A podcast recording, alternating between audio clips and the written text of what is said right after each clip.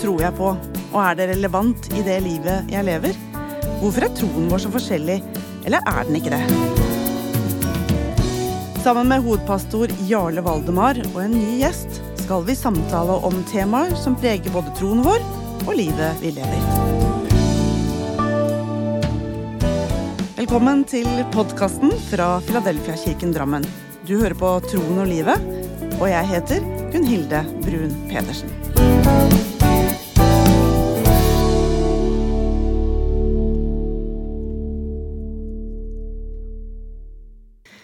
I studio i dag så sitter jeg som alltid sammen med Jarle Valdemar, pastor og forfatter. Men eh, så er vi også så heldige og fått TV-pastor Egil Svartdal hit. Velkommen. Takk skal du ha. Ja. Veldig hyggelig å komme hit, altså. Til gode, gamle Drammen. Ja. Jeg trodde jo mange år at jeg var drammenser, og var veldig stolt av det. Eh, Så på et eller annet tidspunkt så tenkte jeg det at hvor, hvis man har bodd i Drammen i syv år, fra jeg var tre til jeg var ti, hvor lenge kan jeg være drammenser da? Altså, veldig lenge, tenker jeg. Altså. Veldig lenge. Alltid godt å komme til Drammen. Litt hjem. Hvorfor var du her i Drammen? Eh, Far ble pastor her i Philadelphia i Drammen i 1950 Sju? Nei. jo, jeg tror det var rundt der. Jeg er født i 54, og jeg var tre år da vi kom. Så det er ikke så gærent, det. altså. Nei. Så da ble far pastor i Philadelphia her. Og så da flytta familien hit.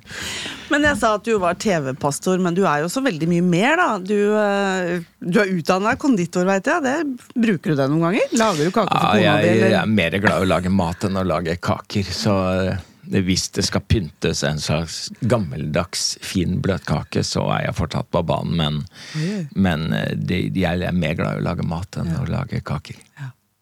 Men hva er du mest opptatt opptatt av om dagene? Nei, sånn i det daglige sånn er jeg jo veldig i gang med dette med plussord. En daglig andakt på ett minutt. Nå gjør jeg det heldigvis ikke alene lenger, men sammen med Sunniva Gylver og Lisa Børu og Andreas Hegertun. Så lager vi et plussprat ca. hver 14. dag. Det sender vi på YouTube. Eh, og det er veldig mye spennende folk og gjester og flotte historier. Jeg blir veldig berørt av det. Når folk er ærlige og åpne om livet sitt, og på godt og vondt. Så er det mange sånne spennende troshistorier om hvordan livet har påvirka troen, og troen har påvirka livet, og hvordan folk eh, håndterer det. Jeg blir veldig berørt av det. Og du, Jarle, du er ikke borte fra media, du heller? Nei, altså media har vært en viktig bit for meg i mange år. Eh, Og akkurat nå så er det dette med NRK radio som eh, vi er opptatt av. Det at eh, vi som kirke får lov til å være stallmenighet for NRK radio. Det å ta opp eh, da våre gudstjenester og, og sende de på NRK radio. Jeg tenker at Det er jo utrolig spennende for oss som kirke da, å få lov til å få et mye større publikum eh, og nå ut med evangeliet. Det syns jeg er utrolig fint. At eh, vi i vår by kan få lov til å bety noe for eh, flere enn oss selv. Det syns jeg er veldig spennende. Så ja, jeg syns det er kjempefint. Ja, bra. Eh, Vi må jo bli litt kjent med deg, Egil. Selv om Egil Svartdal er jo liksom et kjent navn, og du er en Ja, vi kan vel kalle deg kjendis, men oh.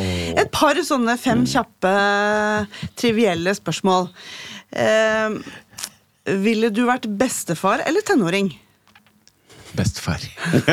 Ok, Jeg har hørt at du har sagt at uh, evig tenåring. Nei, jeg er så glad for at jeg ikke er tenåring. Altså. Det, tenker jeg, det, er, det er slitsomt å være tenåring. Jeg, jeg, jeg vil være bestefar. Du vil det? Ja, da vet, jeg hvem, da vet jeg hvem jeg er. Ja.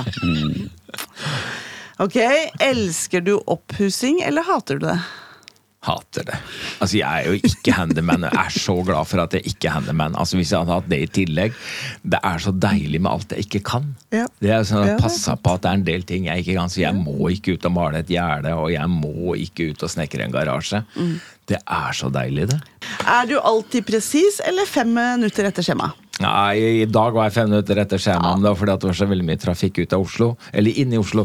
Men jeg er veldig presis, egentlig. Mm. Ja, Ett minutt er uh, egentlig å komme for sent, altså.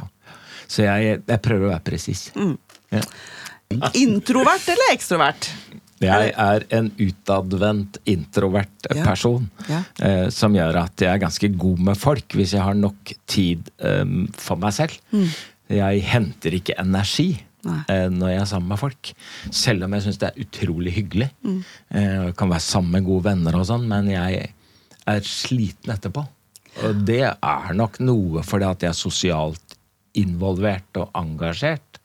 Eh, men skal jeg hente krefter, eh, så må jeg være aleine. Ja. Hva da med en kveld på dansegulvet eller en joggetur? Det er eh, pest og kolera, altså. altså. Jeg har jo alltid ønsket at jeg skulle kunne danse. Da jeg vokste opp, så var det synd å danse. Og så fikk vi tre døtre. To av de har jo gått uh, Norske balletthøgskole og er dansere. Utdanna. Uh, så da var det jo veldig synd at jeg ikke kunne danse. Men, så jeg har lyst til å danse, men jeg tør jo ikke. Nei. Så, og så vil jeg ikke jogge heller. Så hva skal jeg velge nå? Nei, det blir sofaen, da. Hva med deg, si det er Jarle? synd at jeg ikke Liker, du- liker du å danse? Nei, jeg er ikke god å danse. Altså, jeg er musiker og holdt på med musikk i store deler av livet, men, men dans, nei, det er ikke meg. Så mange har sett meg på scenen med bevegelser og liksom stort engasjement, men dans jeg kan for så vidt ikke, rett og slett. Så ærlig skal jeg være. Eh, Men jogging for meg, det er jo fantastisk. Altså, det er fritid, for å kalle det det. Det å bare ta på seg joggesko og være for seg selv og løpe av gårde. Helt, helt nydelig. Det, det er plusstid for meg. Kan ikke dere spørre meg hva jeg liker? Ja, Av vil du- dans eller jogging? Ja. Dans eller jogging? Dans! Oi, ja. Jeg elsker å danse. Pardans, eller bare Nei, sånn å stå alene. alene sånn? Ja, mest alene. Det kan jeg også. Ja, du kan det. Ja, ja, hvis, Ja. hvis det er så mye folk at ingen ser meg, så kan jeg det. Men, men pardans, Ja, det er det jeg er er- fascinert av. ja, jeg kan jeg er ikke det. veldig fascinert av pardans. Når jeg ser folk som kan danse sammen, så har jeg sagt nei til Skal vi danse et par ganger, og øh, da kunne jeg jo lært det. Ja, du kunne jeg kunne det også. Tenk det. Nei, jeg gleder meg til himmelen. Da skal jeg danse. Men nå over til det som er alvor her. Vi skal snakke om nåden. ja, er det alvor, det? Ja, er det ikke det? Det er et stort tema, i hvert fall. Det er det i alle fall. For eh, jeg lurer på hva nåde er. Er det en billig løsning eller en dyrekjøpt erfaring? Må vi alltid snakke om hva som er synd for å forstå nåden? Eller kan vi leve som vi vil og satse på at nåden holder? Er det nåde for alt, eller er det noen unntak? Nå sitter jeg altså med dere to forholdsvis voksne menn. da. Eh, har dere hatt brukt for eh, nåden noen gang? Ja, absolutt. Altså eh, som familiefar, altså pappa, ektemann, altså klart man gjør feil. Og det å på en måte få lov til å bli møtt da med en ubetinget kjærlighet, ja, det må jeg si at eh, det er trygt og godt å ha mennesker som er nådige eh, rundt meg. For ja, jeg kan gjøre feil. Du, Egil? Ja, og det er jo eh, Altså, jeg er sånn storforbruker av nåde. Eh, Så, så, så jeg eh, Det må være mye på den kontoen. Men, men for meg er nåde mer enn bare noe jeg får hver gang jeg har gjort noe galt. Eh, og apropos ekteskap, være far. Det er jo noe med at eh, det er ikke bare noe sånn 'Å, kan du tilgi meg?' For det trenger jeg jo konkret i noen sammenhenger. Men jeg har følelsen av at jeg lever i, et, i en nådefull relasjon. Hvor dette er mye mer enn bare noe som utløses hver gang jeg gjør noe galt. Men det er et slags kvalitet, en karakter, et vesen, en kjærlighet som den andre eller de andre har, hvis du snakker om mennesker, eh, som de lever sammen med meg i. Sånn at nåde for meg er ikke bare opplevelser og erfaringer, men det er et livsrom som preger det livet jeg lever. Altså, jeg lever i et livsrom av nåde. Jeg vet at jeg er ikke gift på nåde, men jeg er gift i nåde. Jeg er far i nåde, som gjør at jeg tror at mine barn aldri kommer til å avvise meg som far. De kommer ikke til å avskrive meg og ikke vedkjenne seg meg. Mm. Og det er litt sånn forhold til Gud også, at jeg tenker at det er ikke mine synder som utløser Guds nåde, det er Guds kjærlighet som utløser Guds nåde. Eh, og så er det sånn at mine synder hjelper meg av og til til å komme på at heldigvis. Eh, så for meg handler det først og fremst om giveren enn meg som mottaker. Men øh, du snakka litt da om, om deg og forhold til barn og kone. Mm. Snakka du som pastor nå? For jeg tenker litt sånn nåde. Ha- Har folk noe eh, relasjon til det? Noe forhold til det? Vet de hva nåde er? Er det noe man forholder seg til? Er det noe vi har lært eh, som er født og oppvokst i en kirke? liksom? Nåde, det er så viktig for oss. Men andre, tenker de på nåde?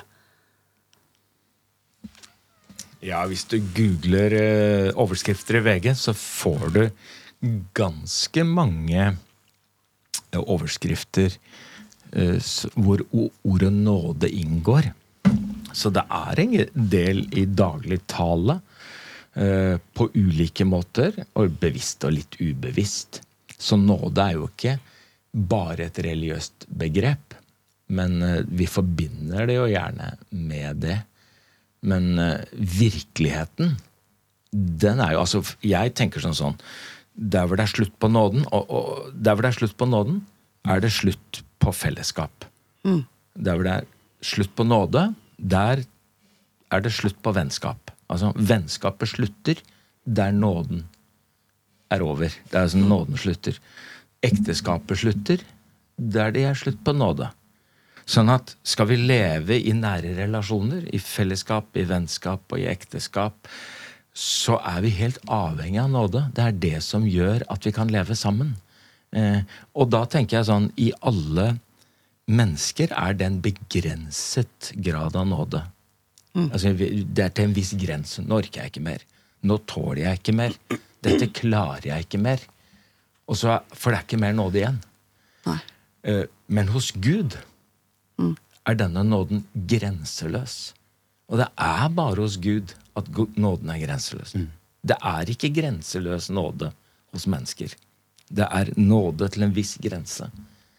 Men hos Gud fins det ingen grenser. Men går det an å si at det er forskjell da, på, på nåden vi mennesker gir til hverandre, kontra Guds nåde som gir til oss? Ja, det vil jeg jo si, da.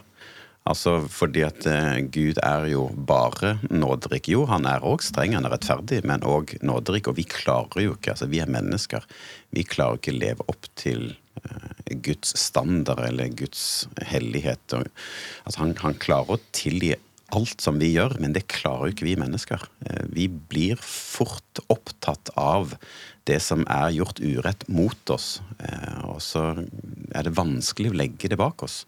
Eh, selv om vi prøver, så er ikke alltid vi, vi, vi klarer det fullt og helt, men det gjør Gud.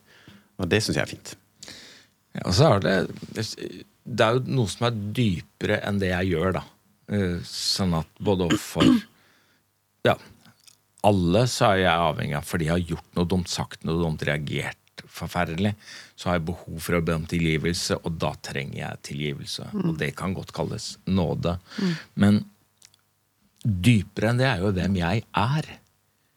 Og det handler jo ikke bare om f.eks. i en nær relasjon som et ekteskap, da, at jeg gjør dumme ting eller sier dumme ting. Men hvem Egil er som person, er jo det jeg trenger aller mest nåde for. At Fordi jeg- du har dine svakheter og styrker? Ja, At jeg dypest sett er et selvopptatt menneske. Ja. At jeg dypest sett ønsker oppmerksomhet. At jeg dypest sett er mest opptatt av hva jeg sjøl driver med. Mm. Så tenk å leve med et sånt menneske, da. Så er det ikke sånn at nå kom jeg på at jeg sa noe dumt i går, men jeg er noe som du må leve med. Du må leve med meg som far. Du må leve med meg som svigerfar. Og det er jo det jeg dypest sett trenger nåde for. Eh, Alle de tingene jeg gjør, er jo bare et uttrykk for dette, og det kommer opp og ut. Så eh, jeg tenker at det er det fantastiske for meg, det er at det å være Guds barn av bare nåde Gud tåler meg og lever med meg for hvem jeg er. Det er svært. Han kommer aldri til å si du får ikke lenger være mitt barn. Nei. Nei. Hadde jeg sagt dette et annet sted, så hadde jeg sjøl sagt et halleluja. Ja. Ja, det, jeg blir jo berørt av det du sier, for det er jo fantastisk. Gud, du mener at Gud ville aldri ha svikta oss. Nei. Nei. Det er, for meg er det sånn totalt. Det, Mm. det fins ingen grense. Altså, eh, hvis du følger Jesus via Dolorosa smertens vei til korset, Mm. og ser hva Jesus gjør på korset, Mm. så tenker du det fins ingen grenser for hvor langt Gud er villig til å gå for å gi oss den nåden vi ikke fortjener. Mm. Det var ingen som tok livet av Jesus. Han ga livet sitt fordi han ikke ville leve uten oss. Men nå, nå kjenner jeg at dere snakker om Gud og nåde som om det er helt fantastisk, og det er Vi får tilgivelse. Men kjære dere, hvor mange pekefingre har ikke vi fått gjennom vårt liv, da? Vi som er eh, vokst opp med sterke åndelige ledere, eller man kan lese i media hvor eh, mørkemenn har fortalt oss hva vi bør og ikke gjør. Og så, kristendommen blir jo ofte framstilt som at eh, pass på det, husk på det, og du, pass på hva du gjør, hva du ser, hva du bruker henda til. Vi har jo søndagsskolesanger som eh, er ganske krevende tekst på. Det er ikke mye nåde i de sangene der. Nei da, og det er jo det, er det som er det store paradokset.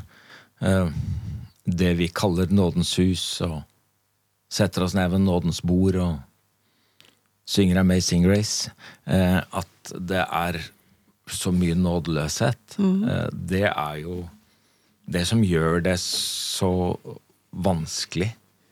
Fordi eh, eh, det har jo ikke alltid slått, og slår ikke alltid gjennom det. Så det Det er vel sikkert en av grunnene til at såpass mange forlater kirka også. At man ikke fant den nåden man dypest sett trengte, eller når man trengte den aller mest. Ja, for det som jeg tenker litt på i forhold til spørsmålet ditt, da, det er jo Altså, Gud har mange egenskaper, og Gud er jo rettferdig. Og, Gud er dommer. Eh, og klart, eh, han peker på synd.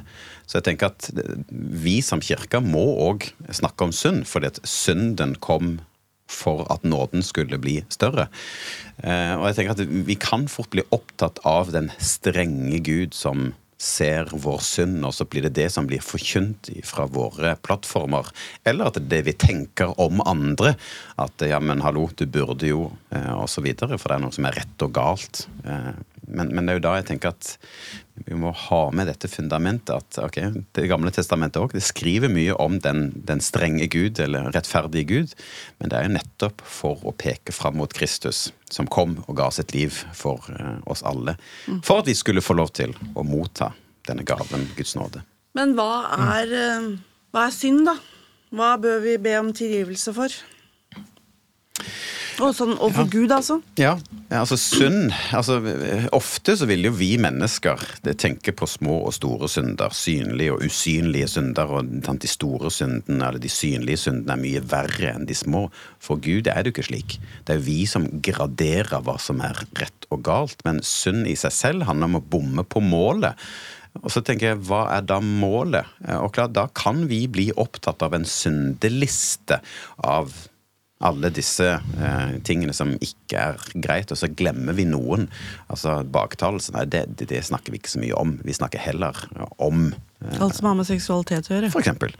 Og, men, men for Gud så er disse likestilt, for, fordi at vi klarer, vi bommer på målet. Så jeg velger heller eh, å tenke at synd er å bomme på Guds vilje for mitt liv. Eh, og det er på en måte en litt annen måte å se det på, for Gud han har gode intensjoner for mitt liv, for hva jeg skal gjøre. Og når jeg på en måte sårer Gud da, med å enten være egoistisk, eller om det er andre, så, så sårer jeg det Gud har tenkt for mitt liv. Mm. Så jeg velger heller å, å gå den retning. Men vi må snakke om synd, tenker jeg. Eh, For, for Ja. Bibelen er tydelig på det. Jeg har også tenkt samme retning at uh, For synd er jo, som Jarle sier, det å bomme på målet, og hva er da målet? Og det tror jeg egentlig er det som Jesus gjentar som det største og første bud du skal elske Herren din Gud av hele ditt hjerte. Altså målet er kjærlighet til Gud, til mennesker, som til meg selv. Og det å, da kan man tenke at synd er det som gjør at jeg ikke nærmer meg det målet. Mm. Så for meg er synd først og fremst noe relasjonelt. Det er ikke først og fremst forhold til en lov eller en, et rituale, men det er forhold til en relasjon. Sånn at synd blir det som skader, øh, gjør svekker, ødelegger relasjon både til Gud og mennesker. Og for meg blir det mye mer levende, da. Mm. For da blir det sånn Hvem er det jeg oppfører meg best overfor? Hvem er det jeg prøver å såre minst? Det er de jeg er mest glad i. Så det er jo ikke sånn at nåden gjør at du kan gjøre hva som helst. For hvis du virkelig har opplevd nåde, så tenker du at han, henne, ønsker jeg å være god overfor. For de har gitt meg så mye godt og betyr så mye for meg. sånn at Det står til og med i Bibelen at det er nåden som opptukter oss. Vi tror ofte at det er loven som tukter oss, og så er det nåden som hjelper oss når vi ikke får det til. Men nåden, den hjelper oss, for den er relasjonell. da. Eh, så det tror jeg er den store forskjellen med synd. For en som har oppdaget nåden, det er at det som er synd i mitt liv, det er det som skader den relasjonen jeg har både med Gud og med mennesker. Jeg ble opptatt av da jeg leste Didrich Dietrich Bornhofers uh, bok. Uh, Hvem var det? Ja, altså Han var en tysk altså i, i, i nazitiden, da. En tysk teolog som snakket om billig nåde versus dyr nåde. Jeg tenker at det er faktisk like relevant i dag. Billig nåde som rettferdiggjør synden at eh, ja, men det er greit, det jeg gjør, eh, og ikke da synderen. For det er den, den dyre nåden er. på en måte, Dette kostet Gud dyrt. Det kostet han eh, sin egen sønn, som han ga til oss mennesker. Mens den billige nåden blir på en måte uten etterfølgelse, uten omvendelse, uten korset. Mm. Så jeg tenker at det er en sånn god eh, illustrasjon på å tenke sunt eh, om nåden. Da må jeg ta fram en opplevelse som jeg hadde, eh, som var sjelsettende, vil jeg si. Og det handler litt om det der begrepet å leve i synd. Eh, jeg fikk være med Maritastiftelsen, som driver et stort arbeid blant eh, prostituerte i Oslo. Og det er hans, eller dets leder, Leif eh, Holstad var med på det som var Marita-kafeen, eller er, for de holder på fortsatt. En kveld i uka der så samles, som det heter, kvinner med prostitusjonserfaring mm. til en kafé. Og på vanlig norsk så kaller vi de horer. Og for, for meg å komme i den kafeen De eh, kom der for å ha møte. Så i et lite lokale kom det 70 kvinner inn med prostitusjonserfaring de begynte å prise Gud. De, fortalte, de takka Gud for at de var født. De takka Gud for nåde, de takka Gud for fellesskap, og de sang lovsanger. Og så var vi sammen en time, og da var klokka to på natta. Jeg gikk ut, og de gikk ut, og jeg sa ha det til dem litt sånn forsiktig, for de sto på hjørnet for å gå på jobb. Det var for meg Altså, det var så mye krysstanker i hodet eh, den kvelden, å ha sett og opplevd dette. Er det nåde for de? Mm. Det virker sånn. ja, det, det virka sånn for meg òg. Og derfor så jeg sleit med veldig mye hva jeg hadde lært, og hva jeg hadde tenkt, og hva jeg oppfatta som nåde. Å se disse kvinnene. Mm. Så tenker jeg at jeg er så glad for at jeg ikke skal dømme dem. Altså det, det, det, er Gud som, som er den som uh, man skal forholde seg til. Jeg skal ikke leke Gud. Uh, jeg skal forkynne Hans nåderike budskap om Frelseren. Uh, og så må jeg overlate dette til Gud. Rett og slett. Ja, og jeg må innrømme at jeg skulle huske det var flere som sa det. Ja, og så tenker jeg på, på Bill Graham. Han sa det jo at det er Den hellige ånds oppgave å overtale om sunn og rettferdighet. Det er Guds oppgave å dømme, så er det vår oppgave å elske eh, mennesker. Og jeg tenker at kan vi heller bli kjent for å være troende mennesker som elsker Jesus og elsker hverandre, så tenker jeg det må jo være uh, vårt mål, istedenfor å være kjent med at det er kristne som står med pekefingeren og sier 'dette skal ikke du gjøre', 'dette er ikke rett'. Uh, hva er det slags rykte vi da uh, etterlater av Jesus? Jeg tenker ofte på boka til Per Arendal, som har overskriften 'Å våge å leve livet en gang til'. Som handler nettopp det med å ha bomma på målet, eller gjort ting som er feil. Og jeg har sett dine TV-program, Egil, og, og, har sett noen ganger at du møter mennesker som sier at de aldri tør å gå til nattverd. Mm. For det Nei, jeg har levd så dårlig, eller nei, jeg tror ikke godt nok, eller De har mange unnskyldninger for ikke å gå til nattverd. Er det en er det, er, det, er det en grense for hvem eller hva som kan gjøres for å kunne ta imot nattverd? Altså Når det står et sølvbeger der, så tenker jo veldig mange at det er et premiebord, og at de som uh, har klart seg bra i rennet eller konkurransen, de kan komme fram og hente sin premie. Mens det er jo et nådebord. Mm. Og egentlig er det sånn Er det noen syndere her? er det noen som trenger Guds nåde? Og ifølge deg så var vi alle det. ja.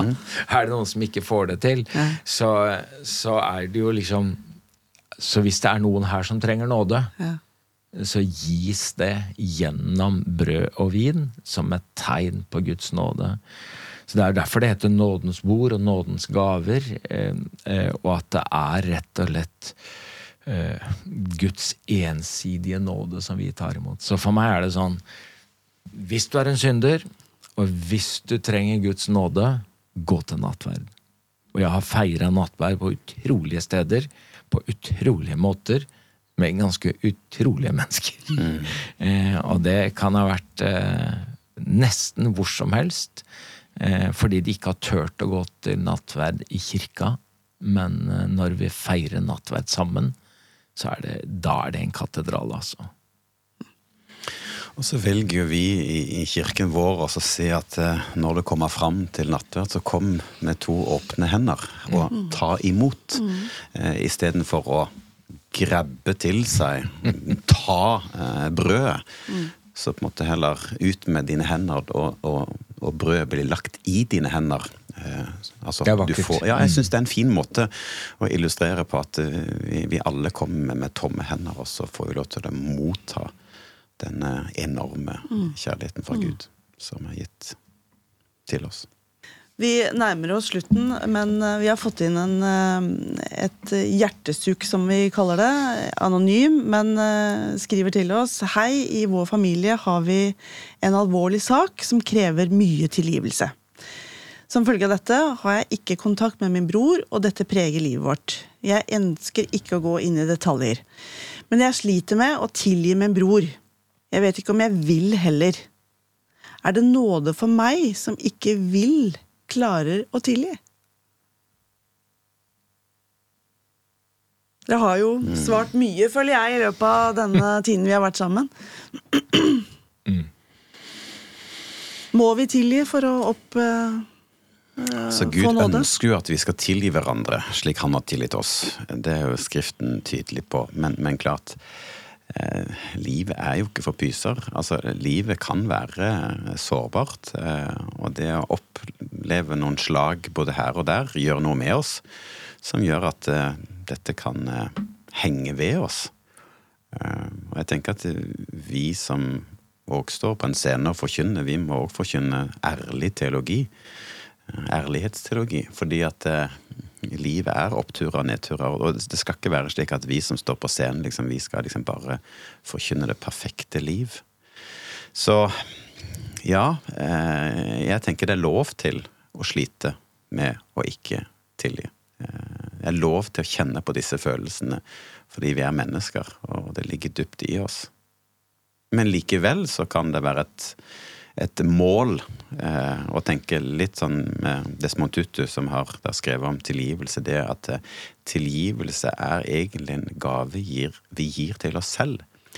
Eh, altså det er noe med at eh, jo, det som er gjort, er urett. Eh, det var vondt, det var smertefullt. Det, det var ikke riktig å gjøre det, men tilgivelsen er en gave som jeg gir til meg selv ved å på en måte ta tilbake igjen den frihet. Altså, dette skal ikke binde meg lenger. Eh, jeg, jeg, jeg velger å sette en strek i sanden, eh, og så ønsker jeg å ta tilbake nøkkelen for eh, å ha det godt i livet. Så derfor er det noe vidunderlig med tilgivelsen, og Guds tilgivelse, som kan være med å hjelpe oss sammen med våre medmennesker. Mm. Mm. Og det er jo et av de områdene vi trenger nåde på, syns jeg, fordi at mm, Jeg skjønner det hun sier, at jeg verken vet om jeg kan eller vil. Mm. Eh, og da trenger hun iallfall Guds nåde. Å erkjenne det er jo sånn. Og da er det jo heller ikke et krav fra Guds side at vi skal eller må, fordi at det klarer vi jo ikke alltid. Men eh, det er jo som Jarle sier, at eh, hun kan jo også få lov å tenke at uh, kanskje hun burde tilgi for sin egen skyld, og ikke for brorens skyld. Og så er det noen misforståelser som ligger litt under her. For det er jo sånn at det at du tilgir, betyr jo ikke at det ikke har vært vondt, eller at du ikke har ansvar. Betyr heller ikke at du må gjenoppta en brutt relasjon. Det at du tilgir, betyr jo heller ikke at du gir ny tillit, nødvendigvis. Så det er mange sånne myter om hva tilgivelse er og ikke er. Så det er sikkert smart å rydde litt opp i det om hun har forstått hva tilgivelse egentlig innebærer. Det Jarle sier, Det er jo dette som frigjør henne. Det er jo det at vi ikke tilgir, som binder oss til både personer og situasjoner. Ja. Som ødelegger livet vårt. Mm. Eh, og for sin egen skyld bør vi kunne men der syns jeg nåden hjelper oss. da. Der å si at Jeg kan si det. Jeg kan ikke tilgi Gud. Jeg klarer det ikke. Mm. Kan du tilgi for meg? Mm. Mm. Og det er lov å si? Ja, og det er nåde. Kan du? Jeg klarer ikke dette, Gud, men jeg ber om at du tilgir broren min for meg. Mm. Så får du gjøre det. Mm. Og dermed så kan jeg legge dette hos Gud. Og så få hjelp av Gud. Jesus sier jo det til og med over de som korsfester han. Far, jeg ber mm. om at du tilgir dem, for de vet ikke hva de gjør. Det tror jeg kunne være en hjelp for henne. Mm. Og så har jeg òg tro på dette sjelesorg. Altså eh, denne altså kristen sjelesorg. Det å, å gå til mennesker som eh, kan være med som medvandrere. Altså lytte lytte eh, til smerte og sorg og få hjelp eh, til å gå denne veien. Noen som kan komme med noen gode spørsmål, noen gode perspektiver, slik at man over tid kan få lov til å ta noen steg eh, ut av det som er smertefullt. Mm. Vil jeg jo si er et godt råd. Mm. Mm. Det var litt fint å være medvandrer med folk som opplever store smerter, som kanskje lever i synd. Og så sa dere noe tidligere i dag om at faktisk nåden hjelper oss til å dytte oss i de riktige retningene. Mm. Ikke loven, sa du, Egil, men mm. nåden. Mm. Så hvis vi er nådefulle mot hverandre, så kanskje vi kan hjelpe hverandre til å gå, gå den rette vei. Ja, for det å på en måte gjøre den veien alene kan ja, være ganske krevende. Og Derfor syns jeg som pastor da at sjelesorgsarbeidet er en, en vakker del. Ja, den er smertefull òg, å sitte og lytte inn alt det vonde man har opplevd. Men det å gå sammen med mennesker eh, og bare lytte, det å være der, ta imot det som kommer, eh, og så gi noe tilbake, eh, syns jeg er veldig vakkert. Dette er eh, nydelig og veldig fint. Og så skal vi avslutte med litt sånn trivielt. Eh, sette dere på prøve. Oh, Sett for dere nå at dere kjører i Oslo-trafikken. Det er kaos, det er kø, dere er seint ute. Eh, og, og, det er en sånn dårlig sjåfør i forkant som kjører for sakte. Han kommer aldri ut i rundkjøringa. Du har lyst til å tute ikke vise fingeren, men kanskje knyttneven. Mm. Folde tenner. Gjør du det, eller, eller, eller, eh, tenker du at de som der jeg skal, de er ikke nådefulle? De er, blir veldig sure på deg fordi du kommer for seint. Hvem, hvem, tar du hensyn til? Hvem, hva gjør du da? Bråker du i trafikken, eller eh, blir du sur og sinna på de som eh, du skal Dette, tette på? det, det kjente jeg med var et spørsmål til Jarle Valdemar. Ja. Ikke ja, ikke sant? Ja, ja, ja. ja. Nei, men-. Ja, jeg kjenner nok eh, Apropos begge deler. eh, Jeg er nok litt eh, nåde eh, fattig i trafikken. Ja, du er hissig der. Du brukte ikke ordet nådeløs, det syns du var litt ja, for mye. ja. Det var litt Eh, voldsomt. Jeg, jeg er nok Jeg, jeg liker nok ikke når folk er dårlige i trafikken. eh, Så, så jeg kan fort tute og bli, eh, bli irritert. Eh, Så, så nåden er fattig der, eh, rett og slett. Så, men så, jeg blir jo stressa òg av de da som står og venter på meg, som kjenner at nå, nå Jarle, nå burde du være der. Men jeg må jo si at jeg er veldig på tiden, da. Og ofte før tiden. Eh, Sånn at eh, Så tipset. min datter altså Vi skal ha konfirmasjonsgudstjeneste, og, og, og, og min datter blir flau av meg da vi kom en time før tiden. eh, Før gudstjenesten, ikke sant? For jeg tenker vi skal ha gode plasser. Men sant? vi kom jo faktisk samtidig med lydtekniker. Så ja. Jeg hans en svakhet der. Ja, men det er jo godt å høre Skal ta er med uttrykket nådefattig av en som ikke ville være nådeløs. Ikke sant. Takk for at dere har eh, vært her, og takk for en god samtale. Mye god lærdom her inn mot hverdagen. Mm. Og eh, har du tema eller personer som du har lyst til at vi skal møte eller ta opp, så er det veldig hyggelig med en e-post. Og den kan du sende til post at philadelphiadrammen.no. Og likte du det du hørte, så fortell gjerne til en venn, eller formidle denne podkasten på sosiale medier. Så sier vi takk for oss. Vi høres.